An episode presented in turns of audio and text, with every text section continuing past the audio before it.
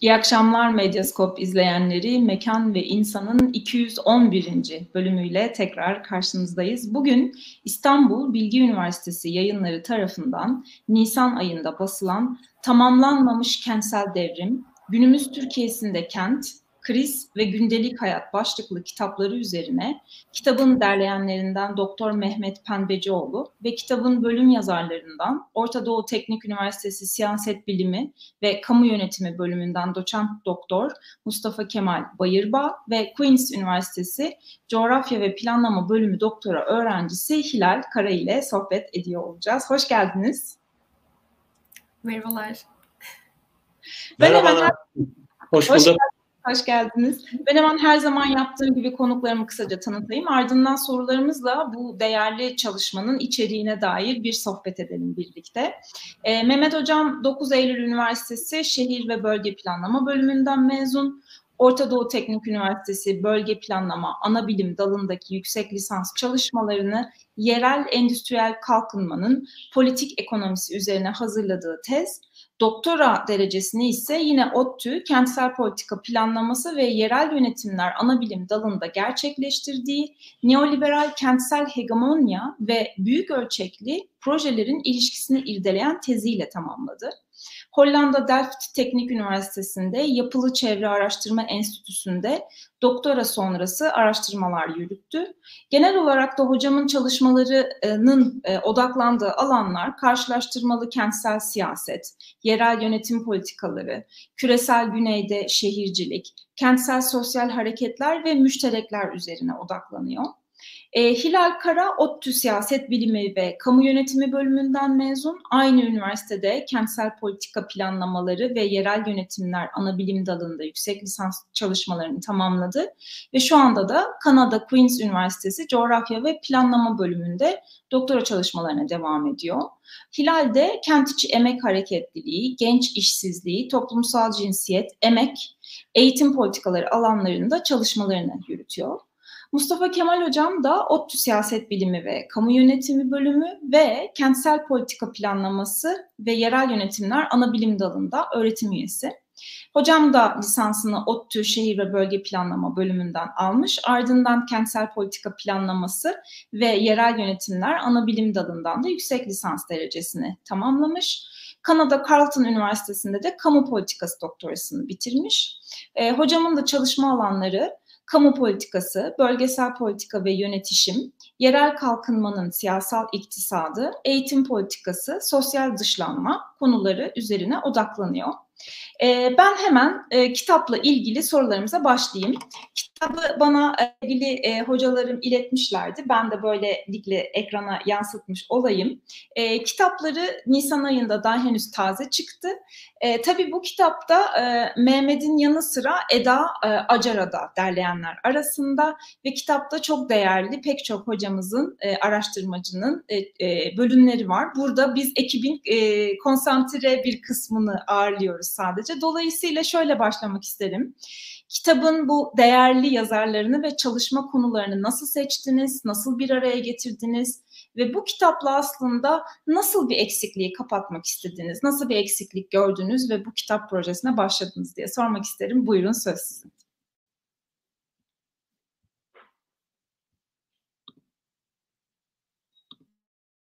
Sesi şimdi açtım. Sesi açmadığımı fark etmiştim. Ee, çok teşekkürler. Kısa bir giriş yapayım. Daha sonra e, sevgili Hilal Hocam devam eder.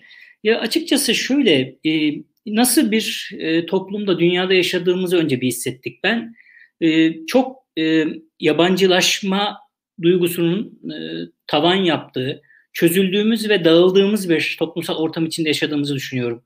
Böyle bir ortamda bir arada durmaya ihtiyacımız var. Yani hem e, akademisyen olarak hem arkadaş olarak hem kentlerdeki bireyler olarak o toplumun ve topluluğun çözülmeye başladığını, yozlaşmaya, çürümeye ve dağılmaya başladığını, yabancılaşmayla beraber böyle bir ortamda bizi anlamlı olarak bir arada tutan şey nedir diye düşündük. E, ve biz hepimiz aslında birbiriyle bir biçimde tanışık olan akademisyenleriz. Bu bağı bizi anlamlı bir şekilde bir arada tutabilecek bir bağ kurmaya çalıştık. O bağ da aslında bu çalışmanın anlamını, içeriğini oluşturmaya başladı. Bir bu tarafı var işin. Bir de hani sonuçta Türkçe literatürde kentleşme üzerine kent kuramı, kentsel politika, kent sosyolojisi, kentsel coğrafya gibi literatüre bakıp bazı kendimizce bir takım saptamalarımız oldu. Bunlardan hareketle e, Türkiye'deki kentsel değişim ve dönüşüm süreçlerini daha güncel tartışmalar etrafında ele almak gerektiğini düşündük. Çünkü e, daha çok kuzey ülkelerini, küresel kuzey literatürüne dayalı bir şey var ve son 10-15 yıldır özellikle küresel güney ülkelerindeki değişim çok çarpıcı. Bizim o coğrafyalara bakarak Türkiye'den anlamlı ne tür sonuçlara ulaşabiliriz gibi karşılaştırmalı bir değerlendirme yapmamız gerektiğini fark ettik ve sonuçta böyle bir çalışma ortaya çıktı. Kolektif bir çabanın ürünü. Burada bütün yazarlarımızı e, tekrar e, sevgili Eda Acar'a, Sezen Savran, Özge Erbaş, e, Esin Özdemir, Set Schindler, e, bütün yazarlarımızı ifade edelim ve hakemlik yapan dostlarımızı, e, akademisyen arkadaşlarımız ve zaman ayırdılar. Bize çok önemli katkılarda bulundular. Ali Kemal Çınar, Deniz Ay, Can Gündüz, Cenap Yoloğlu, Ayten Alkan ve Sinan Gülhan. Hepsi çok değerli akademisyen e, arkadaşlarımız e, ve çok önemli katkılarda bulundular. Bir kendimizce bir hakem süreci de işlettik bunda. Amacımız dediğim dediğim gibi akademik bir amacın dışında o içinde bulunduğumuz ortamda bizi bir arada anlamlı ne tutabilir? Bugünden yarına anlamda ne söyleyebiliriz? Yeni bir keli, kentleşmeyi tanımlayan yeni bir kelime dağarcığını, belki yeni bir grameri nasıl birlikte oluşturabiliriz diye yola çıktık. Hilal Hocam herhalde devam edecektir. Mehmet Hocam'ın tam bıraktığı yerden aslında şey şöyle bir şey denilebilir. Hani hem biraz e, tekrar edeceğim ama hani galiba üç tane ölçekte değerlendirebilirim bu çalışmanın anlamını ve önemini. Kere e, küreselleştirmek çünkü coğrafya kentleşme literatürü Mehmet Hoca'nın da dediği gibi oldukça e, batı merkezli, küresel kuzey ülke e, şehirlerinin kentleşme pratikleri, emek rejimlerine bakarak gelişmiş durumda ve hani küresel, küresel güneyin aslında oradan bir e, anlatının oldukça önemli olduğunu görüyoruz. Hem bu e, e, bilgi üretme süreçleri olsun, kavram üretme süreçleri olsun, küresel güneyden bir e, e, aslında bir okuma gerçekleştirmek ve aynı zamanda bu küresel güneyden bir okuma gerçekleştirirken Türkiye'den de aslında bir e, okuma gerçekleştirmek. Türkiye'nin küresel güney kentlerindeki emek rejimlerindeki yeri nedir? E, farklılıkları nedir? Benzerlikleri nedir? Bu tamamlanma hali, tamamlanmama hali nedir üzerine aslında bir e, konuşma gerçekleştirdik. Bireysel ölçüye de gelirsek en azından kendim için de bunu söyleyebilirim. Gerçekten böyle birlikte düşünebildiğim e, birlikte sorular sorabildiğim ve birlikte yanıtlar arayabildiğim hocalarımla birlikte çalışmak benim için çok büyük bir şanstı. Ve bu çalışmanın aynı zamanda bir başka önemi, bunu biz pandemi döneminde gerçekleştirdik. Covid'in, e, koronavirüsün ne kadar hayatımızı değiştirdiği, akademik olarak üretim biçimlerimizi, dünya ile kurduğumuz rejimleri düş, ne kadar değiştirdiği ortada. Biz, biz onu bir araya gelerek, Türkiye'nin e, geçirmiş olduğu politik, ekonomik tüm bu yıkıcı süreçlerde bir araya gelmek için çok önemli bir şeydi aslında. Yani hakikaten Mehmet Hocam'ın da dediği gibi bir akademik çalışma çok önemli bir akademik çalışma gerçekten ama aynı zamanda birlikte düşünmenin getirdiği bir sinerjinin de yansıması. Bu gerçekten önemli bir şey. Çünkü birlikte düşünmek, birlikte yazmak gitgide birbirine hani bu neoliberalleşmenin getirdiği bir şey. Gitgide daha rekabetçi, birbirini yiyen ve parçalayan bir düzen içerisinde birlikte düşünebilmek çok kıymetli. Ve bunun içerisinde ben bulunduğum için kendimi çok şanslı hissediyorum. İyi ki yaptık diyorum.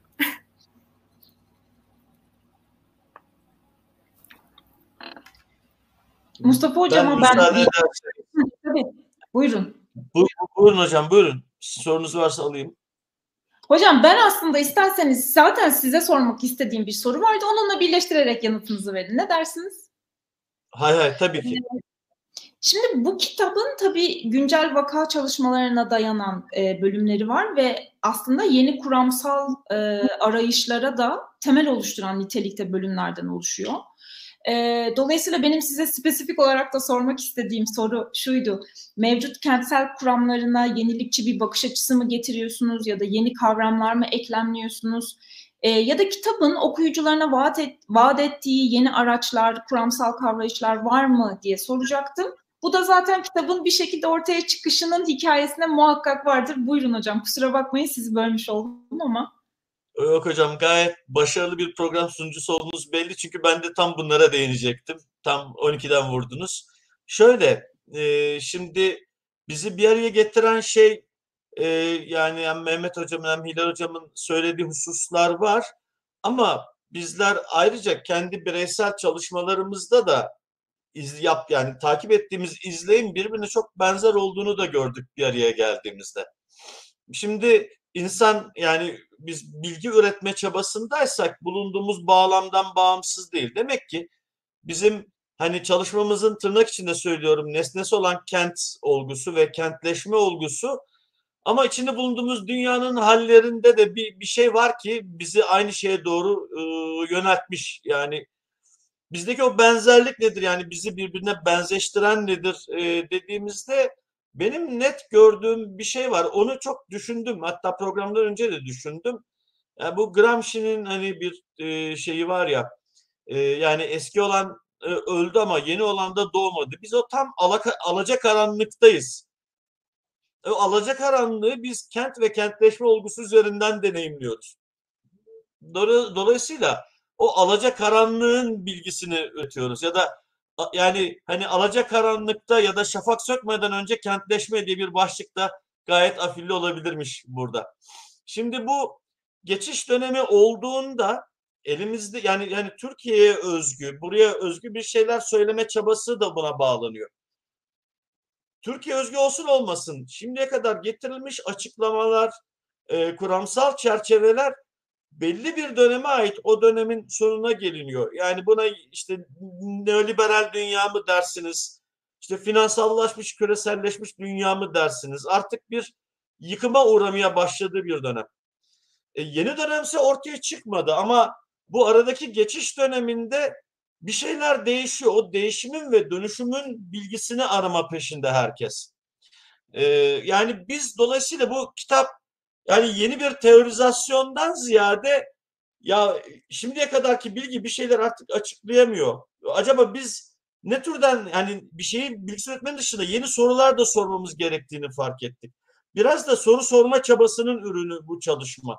Yani hani bizden kendi bağımsız çalışmalarımızda herkesin bu yöne doğru gittiğini gördük.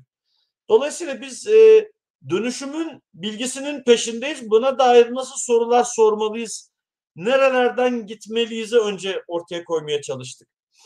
E, tabii böyle e, kırılma dönemlerinde de e, şimdi bir e, orada e, yazmış olduğum e, naçizane tebdili mekan bölümünde bir şey alegorisinden bahsetmiştim. Karanlık odanın içindeki fil. Şimdi e, o odanın duvarları yıkıldığı için çelişkiler doğrudan artık yüzeye çıkmış durumda aslında etrafımızda görüyoruz. Etrafımızda gördüğünüz şeyleri anlamlandırma çabası. Tabi bu söylediklerim hala e, soyut kalıyor. Biraz daha hani madem teoriye somut araştırmalara gidelim dediğimizde birkaç tane şey e, çarpıcı biçimde ortaya çıkıyor. Bir tanesi zaten kitabın adında da var gündelik hayat meselesi. Yani günlük olan, gündelik olanın içinde e, bu dönüşümün, kentin, kentleşmenin bilgisini yakalamaya, çıkarmaya çalışmak. Şimdi e, bu az önce bahsettiğim şeyle alakalı. Çünkü kriz dediğimiz şey gündelik hayatta karşımıza çıkıveriyor. Nasıl? İnsanlar başını sokacak ev bulamıyorlar. Kiralar almış başını gitmiş. Ya da e, mazot fiyatları pahalanmış. E, kentin içinde bir yerden bir yere gidebilmek için insanların cebinden ciddi miktarda para çıkıyor. Ya da gıda e, zinciri, tedarik zinciri e, şeye uğramış, akamete uğramış durumda gıda fiyatları yükseliyor. Şimdi bunlar insanlar gündelik hayatında o kentsel kriz dediğimiz şeyi pek çok veçesiyle iliklerine kadar yaşıyor. Dolayısıyla gündelik yaşam yaşamda e, gerçek insanın, akademisyenin değil yani bizim nesneleştirdiğimiz değil, gerçek yaşayan insanın gözünden bu hikayeye biraz bakmak bu temalardan bir tanesi olarak ortaya çıkıyor. E, İkinci e, belki burada dile getirmek gereken husus, dile getirilmesi gereken husus daha önceki diğer bir önceki yani programda dile getirmiştik. Hareketliliğin bilgisi. Şimdi biz nesne olarak kenti çalıştığımızda bir yerleşim değil mi? Bir dizi binalar, yollar sabitlikler olarak görüyoruz. Ama oysa o kentleri kent haline getiren, onları dönüştüren şey bunun içindeki e, insan, mal, hizmet, bilginin akışı ve hareketliliği. Bu hani bu dünyada sabitlikler ortadan kalkmış değil ama akışlara bakmak lazım. Hareketliliklere bakmak lazım. Hareketlilik üzerinden bilgi üretmek lazım. Bir ikincisi bu. Üçüncüsü devlet denen olgu biz ister istemez hani planlama alanından gelirken yani karar alıcının gözünden, uygulayıcının gözünden işi çözümleme derdindeyiz ama işin öbür tarafı yani gerçekte şimdi hep arz tarafından çözümlemeler geliyor. Ama talep tarafından toplum ne istedi de karşılığında ne buldu sorusunu çok daha sık sormadık eskiden. Yani tırnak içinde söylüyorum arzla talep birbiriyle buluştuğunda ne oluyor? Çünkü gerçekte kentleşme ölçüsünün buluştuğu noktada e, ortaya çıkıyor, kendisini gösteriyor. E, belki bir son e, söylemeyecek, söylenecek husus e, bizim içinde bulunduğumuz dünyada kentleşmenin hani bu arz ve talep bir yere geliyor dedik ya aslında bu şu demek. Bunu çok böyle hani çoğulcu bir perspektiften de söylüyor değilim aslında ama bir tür müzakerelerle il, ilerliyor bütün kentleşme süreci. Yani yapılar var ama o yapıların içinde yapıları üreten, yeniden anlamlandıran e, aktörler var. Aktörlerin gözünden bu işin nasıl müzakere edildiğini de okumak. O zaman hani e, otoritenin erkin gözünden bakınca bu işin nereye gideceğine dair onun planları, niyetleri üzerinden akıl yürütebiliyoruz. Diyoruz ki kentleşmede sermaye birikim süreçlerini güçlendirmek ve derinleştirmek. Öyle düşünüyor ve öyle istiyor karar verici. Ama gerçekten öyle mi oluyor? Yaptığı projenin bir kısmı da e, ciddi şeye uğruyor, akamete uğruyor. Donup kalıyor, başarısızlığa uğruyor. O zaman demek ki e, işin başka bir tarafı da var. Bunu talep eden ve bu işin müzakeresini yapan insanlar da var, aktörler de var. İşin o tarafına da bakmak lazım.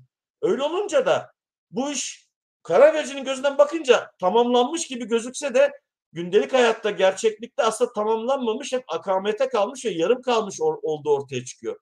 Biz o yarım kalmışlığın, tamamlanmamışlığın bilgisini niye böyle olduğunu da e, üretmeye çalıştık. Hani özür diliyorum. E, kabaca böyle özetleyebiliriz herhalde temel meramımızı burada.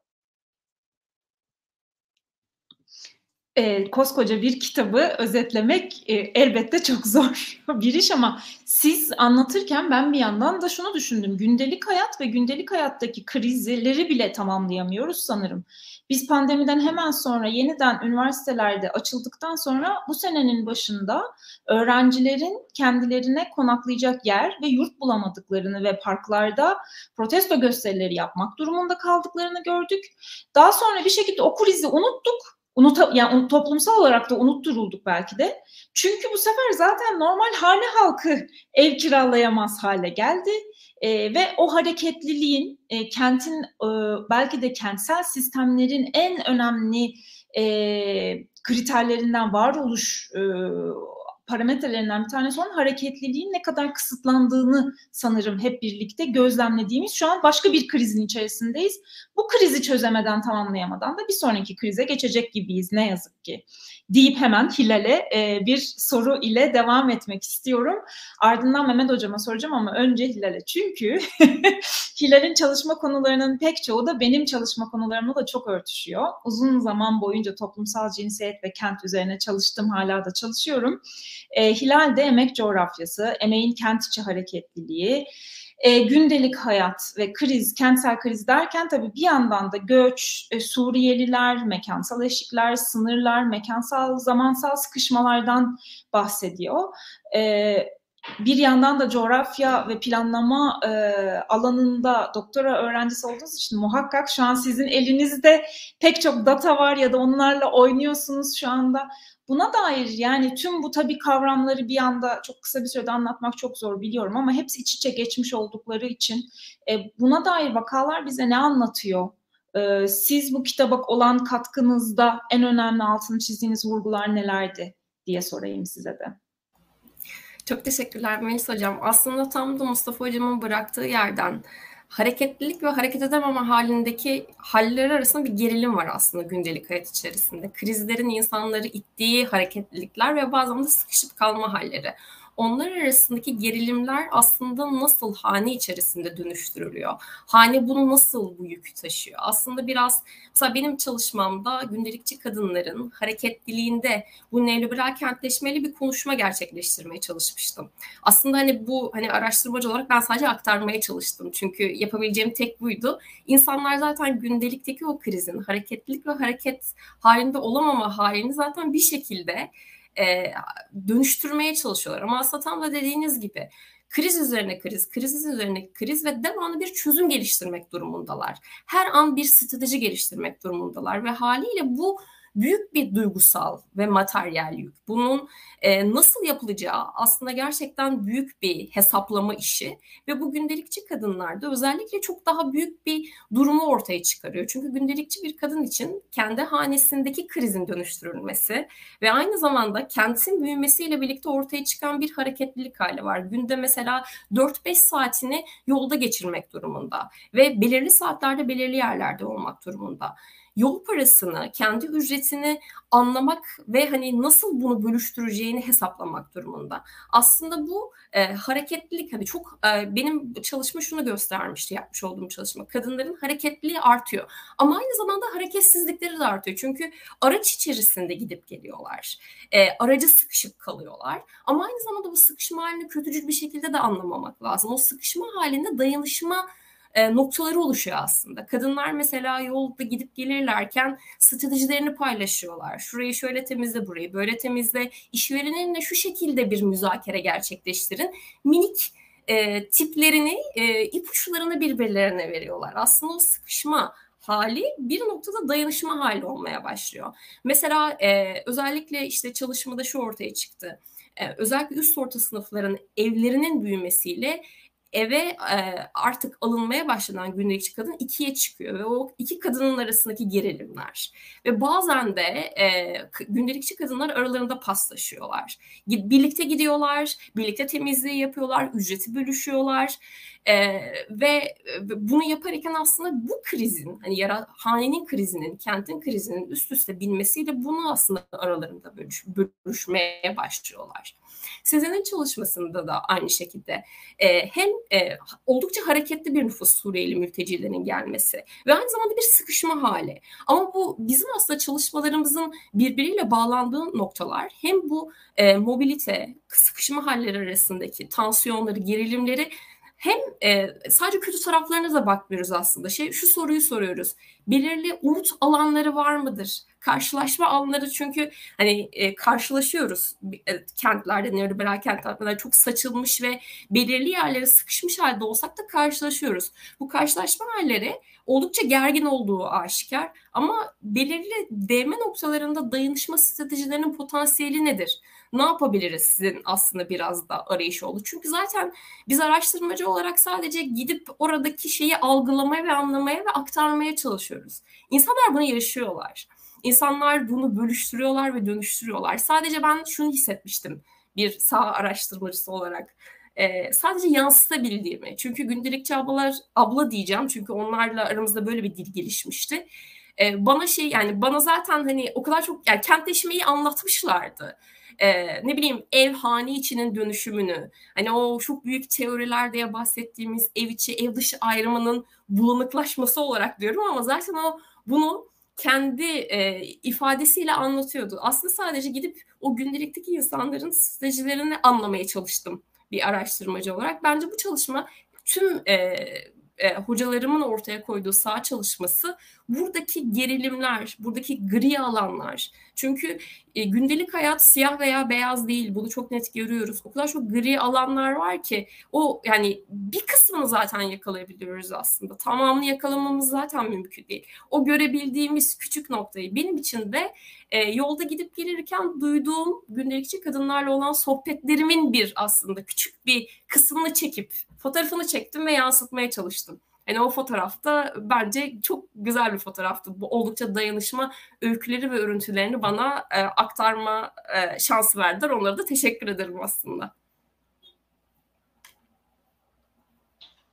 Gerçekten size anlatırken ben heyecanlanıyorum bir yandan. E, çünkü vaka çalışması, saha çalışması hakikaten e, bizler gibi e, araştırmacı akademisyenler için özellikle ayrı kıymetli. Teorinin nasıl bozuma uğradığını ya da teorinin gerçekte nasıl vuku bulduğunu ancak böyle gözlemleyebiliyoruz. Ve tabii özellikle de aslında biraz sonra da konuşacağımız güneyli şehircilik e, ya da tamamlanamamışlık kavramlarını neden aslında bu şekilde kullandığımızı da anlıyoruz böylelikle. Çünkü genel ana akım literatüre baktığımız zaman söylenen şeylerin bizim Türkiye kentlerinde nasıl bozuma uğradığını, nasıl değişime uğradığını ya da aslında nasıl ufak nüanslarla farklılaştığını e, görüyoruz tüm bu vaka çalışmalarında diye düşünüyorum ve sorumu Mehmet'e yöneltiyorum. E, bu kitaptaki bölümlerin çoğunda özellikle de tabii vakaların da kuvvetli olması sebebiyle e, aşağıdan yukarıya bir okuma yapıldığını görüyoruz. E, iki tane bence önemli e, örnek var. E, bir tanesi sizin e, Mustafa Hocam ve Seth Schindler'le birlikte kaleme aldığınız ve Ankara üzerinden de değerlendirmesini yaptığınız kentsel dönüşümün sosyopolitik örüntülerini okumaya çalıştığınız e, bölüm. Bir de e, eğer e, naçizane Gül'ü keşke e, onu da ağırlayabilseydik ama Gül'ün kaleme aldığı bölümde de aslında gezegensel kentleşme kavramını katı atık, pardon kentsel atık üzerinden bir okuma yapıyor. Bu hakikaten bizim gündelik hayatta hepimizin hayatının önemli bir parçası olan görmezden geldiğimiz ufak e, örüntüleri ve kurguları çok daha büyük e, kavramları ve büyük politikaları anlayabilmek, anlamlandırabilmek için e, okuma aracı olarak kullanmayı çok kıymetli e, görüyorum. Muhakkak bu alanda çalışmalar yapacak pek çok kişi için de ufuk açıcı olacaktır. Burada da Mehmet'e sözü bırakmak istiyorum. Bize biraz hani bu iki çalışmanın, bu iki bölümün içeriğinden, bu kavramlardan, bu aşağıdan yukarıya bakışın e, bizim e, literatürümüz açısından öneminden bahsetmeni rica edeceğim. Elbette. Tabii biz burada aslında yazarları da temsilen bir anlamda bulunduğumuz için onların yazdıkları kısımların e, aslında içeriğini belli bir çerçeve dahilinde aktarmamız da e, gerekli. Şöyle anlatayım ben ama hani genel çerçeveyi koyup çünkü bu çok kapsamlı bilgiyi kısa zaman içinde vermek mümkün değil ama bunları ortak olarak tanımlayan bazı temalara e, vurgu yapmak isterim. Şimdi e, aslında Gül Tuçaltan'ın çalışmasında o katı atık yönetimindeki enformalliğin kurucu gücü, enformal ve formal ilişkileri, orada işte enformal katı atık toplayıcılarıyla belediye yönetimlerinin kurduğu ilişki, bu mesela, mesela e, Türkiye kentlerinin metabolik kurulumunun e, batı kentlerinden, küresel kuzey kentlerinden ne kadar farklı olduğunu, altyapı dediğimiz mefhumun burada nasıl farklı bir şekilde yapılandırıldığını, atık yönetiminin ne kadar farklı olduğunu gösteriyor.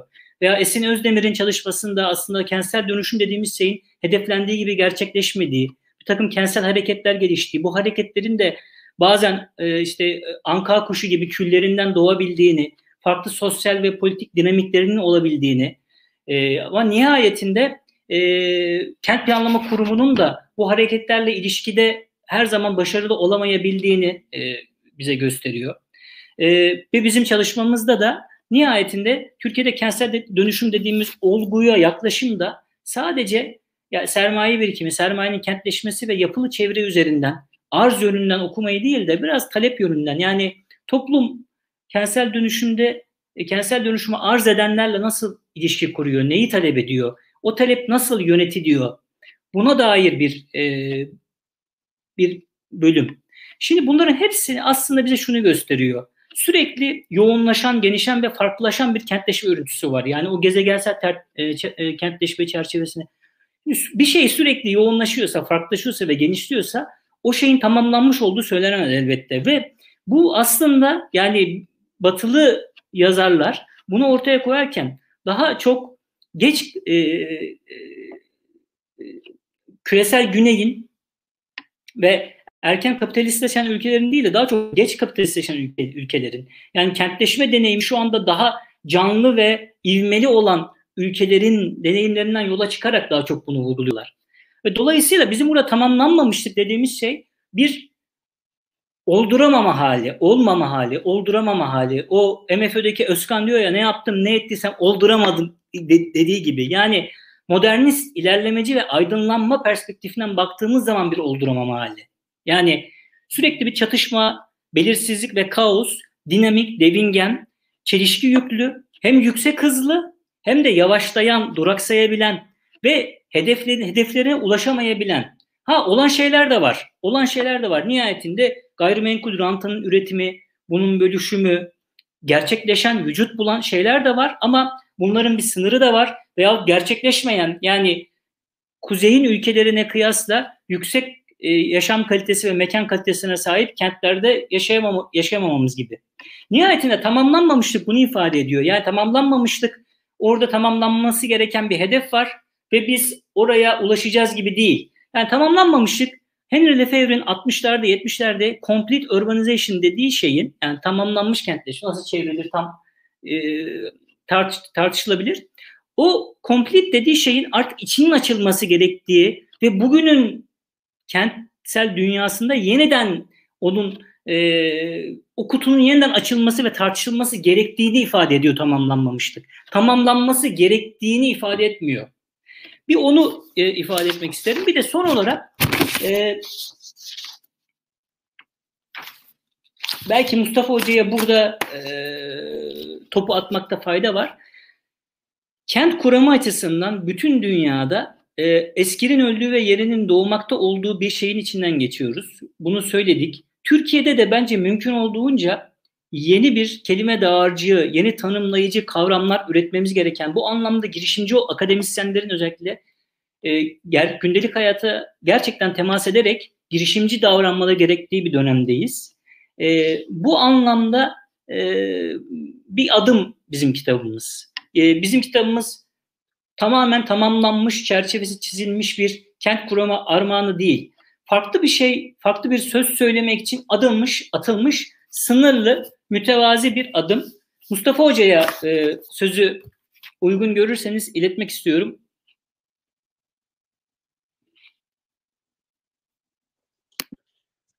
Ben e, e, şöyle söyleyeyim. Yani biz kitabı tamamladık tabii ama e, ortaya koyduğu araştırma projesi tamamlanmış değil. E, o yüzden tamamlanmamış bir kitap da diyebiliriz bir yönüyle. Ucu açık bir kitap yani.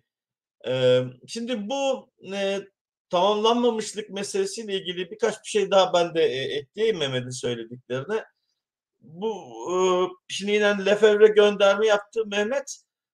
E, özellikle iki şey söylemek istiyorum. Bir, yani kuram bilgi üretecekseniz aslında merkeze değil çepere bakmak, uç noktasına bakmak, köşede kenarda bırakılmışa bakmak aslında sistemin bütün arızalarının olduğu yerdir. Yani özellikle kentte mekansal olarak dışarıda bırakılanlar, sistemin içinde kenarda bırakılanlar esas bilgi oradadır. Tüm sistemin hikayesini oradan çözersiniz. Dolayısıyla biz yani hem analitik hem kuramsal hem de görgül olarak herkesin dikkat ettiği yere değil biraz öbür tarafa uca kenara bakmaya çalıştık. Biraz ucun kenarın kenarda kalmışın, kıyıda kalmışın bilgisi aslında kuram üretmek için çok daha faydalı. Yani bunu fark ettik burada en azından. Bu net biçimde ortaya çıkıyor. Ee, o, o açıdan e, yani teorinin tamamlanmamış olduğunu da iddia edebiliriz. Yani bilgi üretmenin. Merkeze değil kıyıda kalana bakmak lazım. Bir yani ne güzel başlık seçmişiz. E, tartış tartış bitmiyor. Her seferinde yeni bir şey buluyoruz. E, ikincisi e, bu tamamlamamışlık hikayesinde bir de şöyle bir şey var. Yani Lefebvre'nin e, getirdiği hikayede tırnak içinde söylüyorum.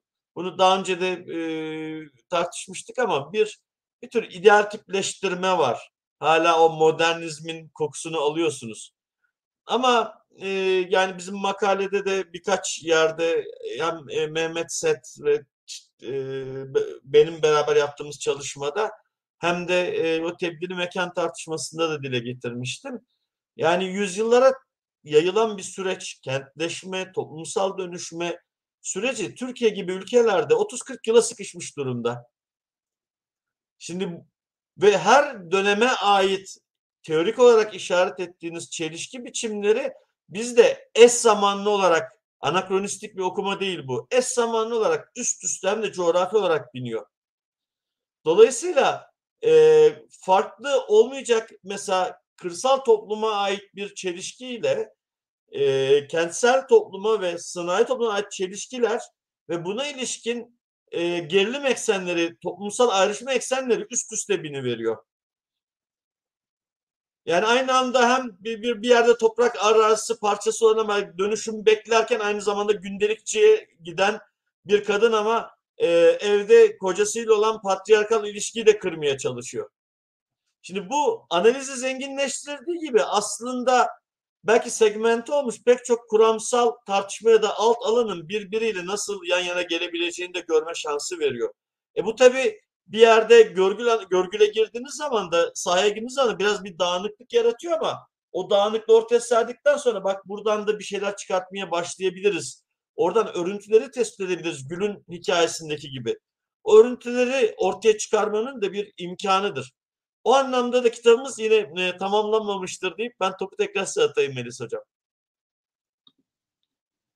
Ee, gerçekten çok haklısınız. Özellikle de hem Mehmet'in söylediği aslında bizim e, yeni araştırmacıların ve kent alanında çalışanların, e, kent üzerine çalışanların e, bu güneyli şehircilik ve ihtiyaç duyduğumuz kavramsallaştırmaya batık gözüyle değil de hakikaten e, Said'in de dediği gibi belki biraz daha oryantalist bir bakış açısıyla yeniden okumak lazım. E, siz konuşurken benim de aklıma şey geldi. Ben iki sene önce minibüs üzerine bir çalışma yapmıştım. E, ve e, literatür taraması sırasında minibüs üzerine mesela kent planlama alanında yapılmış İlhan Tekeli'nin bir kitabı var. Dolmuş'un öyküsü.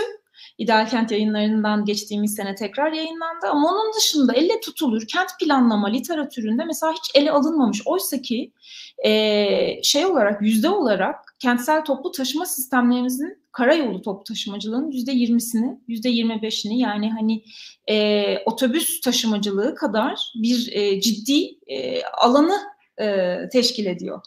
Ve aslında dolmuşun içerisindeki, minibüsün içerisindeki kültür, işte mesela omzuna vurup para göndermek, e, aslında en formal bir sistemin formal sistemimizin çok ciddi bir parçası olması.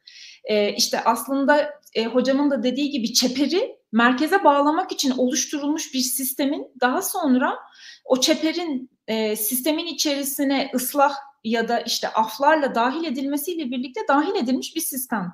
Oysa ki biz buna bakmıyoruz. Bunu ana akım kavramlarla, batılı kavramlarla okumaya çalışıyoruz. O zaman da galiba hep bu konular da dışarıda kalıyor. E, bu da tabii bizim bence şehircilikte e, Türkiye'deki e, planlama, kamu yönetimi, yerel siyaset vesaire de çok ciddi eksik kalan bir şey. Yani e, ben bu çalışma yaptıktan sonra kendim de kendime de iğneyi batırdım ve dedim ki e, yani hani mesela minibüsü anlamadan kentsel ulaşımı ben öğrencilere öğretemem, aktaramam. Çünkü bu aslında benim duraksızlığı, işte hani herhangi bir noktada beklemeyi, gerçekten bir rotanın varlığının olmamasını, trafiğe göre ya da o günkü maça göre değiştirilebilecek rotayı gösteren bir şey. Aynı zamanda gece konduyu da anlatıyor size. Kentteki tüm enformal oluşumu da anlatıyor aslında. Dediğiniz gibi ya da Hilal'in de anlattığı gibi hani yaptığı görüşmelerde kadınların anlattığı her şey aslında kentleşmenin, Türkiye kentlerinin kentleşmesinin e, çok ciddi bir özetini oluşturuyor diyorsunuz ya işte ben de hakikaten sahada onu görüyorum ve e, dolayısıyla belki şöyle bir soruyla tekrar bir e, hepiniz söz almak istersiniz diye sözü size bırakacağım bu uzun yorumundan sonra. E, kent araştırmacılarının e, ufkuna e, ne gibi yeni sorular yerleştiriyor bu kitap? Ee, aslında söylediniz ama tekrar ben altını çizmenin anlamlı olduğunu düşünüyorum. Galiba hepimiz bir şekilde aynı noktada bakıyoruz. Ee, merkezin ve çalışılmış olanın değil, çeperde kalmış olanın çalışılması gerektiği ve yenilikçi bakış açılarıyla çalışılması gerektiğine dair bir genel e, zaten kavrayış sunuyor kitap bize ama ne gibi açıklıklar, ne gibi sorunlar keşfedildi bu tamamlanamamış kitap projesinde? Kim başlasın? Hilal Hocam, senle başlayalım mı? Tamamdır hocam. e, ilk dediğinizde Melis Hocam aklıma şu geldi. Araştırmacı nedir, kimdir? Belki bu soruların biraz tekrardan düşünülmesi gerekiyor. Saha nedir? Ee, güç ilişkileri nedir? Hani kimle nasıl konuşulur? Çünkü e, yani şu kimle nasıl konuşulurken şunu kastediyorum. Sonraki geçişler nedir? Belki de hani ben en azından şunu görmüştüm. Gündelikçi kadınlarla konuşurken e, onlardan ne kadar çok şey öğrendiğimi, onların ne kadar çok kavramsal çerçeve sunduklarını bana. E, şu anki doktora çalışmamda da ben e, üniversiteli genç işsizlerle görüşmeler yaptığımda onlardan ne kadar çok şey öğrendiğimi, hani belki de biraz daha araştırmacı nedir, bir kent araştırmacısı nedir? E, onları onlar üzerine bazı sorular yürütmek gerektiğini düşünüyorum. E, çünkü sahaya girişteki süreçleriniz, çıkış süreçleriniz, kurduğunuz bağlar, Hani o sahaya o kadar girmek kolay değil. İnsanların izin vermesi gerekiyor oradaki güç ilişkileriyle. E, bulunduğunuz üniversitenin getirdiği konumlar, e, Türkiye'de araştırma yapmanın getirmiş olduğu koşullar. E, bir yandan Türkiye'nin kentleşmesinin getirdiği informalle formalin hep e, kol kola yürümesinin getirmiş olduğu durumlar. Ki bazen de şey var mesela ben açıkçası şunu fark etmiştim son dönem okumalarımda. Batı'da özellikle işte enformalleşme hep kötücül bir şey olarak da görülüyor. Evet getirdiği sıkıntılar olsa da aslında getirdiği bazı insanların gündeliği çekip çevirmede getirdiği kolaylıklar da var. Yani bazı şeyler aslında daha objektif mi bakmak gerekir sorusu geliyor aklıma. İnsanların aslında onu nasıl tanımladığı, nasıl gördüğü, pek çok pek çok insan için tamam enformalleşmenin getirdiği kötücül taraflar var ama o esnekliği kullanmaları gerekiyor. Çünkü öyle bir kriz ortamı ki kullanmak durumunda kalıyor insanlar. Aslında işte e, hem araştırmacı, görüşmeci hani bu kavramların tekrardan aslında burada bence hani ben en azından feminist literatürden çok fazla şey öğrendim. Feminist coğrafya literatüründen çok fazla şey öğrendim. E, kendinizi nasıl tanımladığınız, pozisyonunuz, e, kadın olmanız, yaşınız bunlar gerçekten sahadaki bulunduğunuz konumla çok çok ilişkilendiriliyor. Belki de Türkiye'deki kentleşme kuramlarının e, bu araştırma araştırma nedir gibi soruları tekrar sorması gerekiyor ve kesinlikle top, yani bir e, çizgi hani toplumsal cinsiyet perspektifi bu sorular çerçevesinde düşünülmeden de bir kent araştırması yapılması hiçbir şekilde mümkün değil. Zaten bu artık hani e, malum yani bunu tekrar ama altını tekrardan çizmek isterim. Ben söz alabilir miyim ikinci olarak? Ee, şöyle şöyle özetleyebilirim. Türkiye'de bir kentsel devrim varsa bunun e, kentsel sosyal çelişkileri kaldırarak değil, aksine derinleştirerek, dönüştürerek ve perdeleyerek ve var olanlara yenilerini ekleyerek hayata geçirdiğini, yani krizleri çözmediğini, toplumsal sorunları çözmediğini, bunları ertelediğini ve bunların iç içe geçtiğini, bir yumak haline geldiğini gösteriyoruz. Yani bu, bunu ortaya koyuyor kitap bir biçimde. Bir de Türkiye'deki bu ve bu yüzden tamamlanmamış bu kentsel devrim. Türkiye'nin kentsel devriminin süre giden, hedeflerine ulaştığı son derece tartışmalı ve tamamlanamayan bir yaratıcı yıkım süreci bu. Ve enformalin çok önemli olduğu, formal enformal ilişkilerinin, bunların alanlarının e, devingen bir şekilde değişebildiği bir süreç. Ve son olarak da e, genel olarak biz planlama, şehir planlama eğitiminde de böyle e, küresel kuzeyin deneyimlerini merkeze aldık. Kenti böyle açıklamaya çalıştık ama mevcut yatkınlıklar buna artık el vermeyecek. Önümüzdeki dönemde de, e, de hiç el vermeyecek. Çünkü önümüzdeki dönem güneyin kentlerinin e, daha büyük bir ivme kazandığı bir dönem olacak ve bu Robin, Jennifer Robinson dediği bu karşılaştırmalı epistemoloji. Yani biz Türkiye'yi anlamak istiyorsak Almanya'yı, Almanya kentlerini, İngiltere kentlerini, Fransa kentlerini çalışıyorsak bunun yanında Çin'i, Pakistan'ı, Mısır'ı da çalışmak zorundayız. Ee, atıyorum Polonya'da işte Rusya'daki e, otoriter kentleşme gibi bir şey çalışıyorsak dönüp Lübnan, e, işte Suriye ya da Or- Orta Doğu'daki Asya'daki diğer kentleri çünkü bunları karşılaştırmalarından elde ettiğimiz bilgi Türkiye'yi anlamlandırmak, konumlandırmak, o küresel kentleşme dediğimiz coğrafya içerisinde konumlandırmak ve anlamlandırmak için daha e, bizim zihnimizi açacak. O yüzden karşılaştırmalı epistemoloji diyorum. Son olarak bu kadar söyleyeceklerim. Teşekkürler. Şimdi e, Melis hocam bana ya buradan ne çıkıyorsunuz deyince içimdeki hocalık tarafı hemen şeye geçti. Ya burada beni şimdi izleyen talebelerim varsa Buradan milyonlara sesleniyoruz.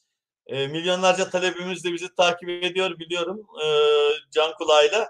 Yani ne söylerdim ya bu araştırma yöntem hani dersi olsa geldik bu çalışma kitabı yöntem üzerinden anlatıyoruz. Yedi madde sıraladım yani sizden anlattığımda ve özetleyerek. Ee, bir, önce yakına sonra uzağa bak. İki, gündelik olana sıradan olana bak. Üç, kıyıya kenara çepere bak.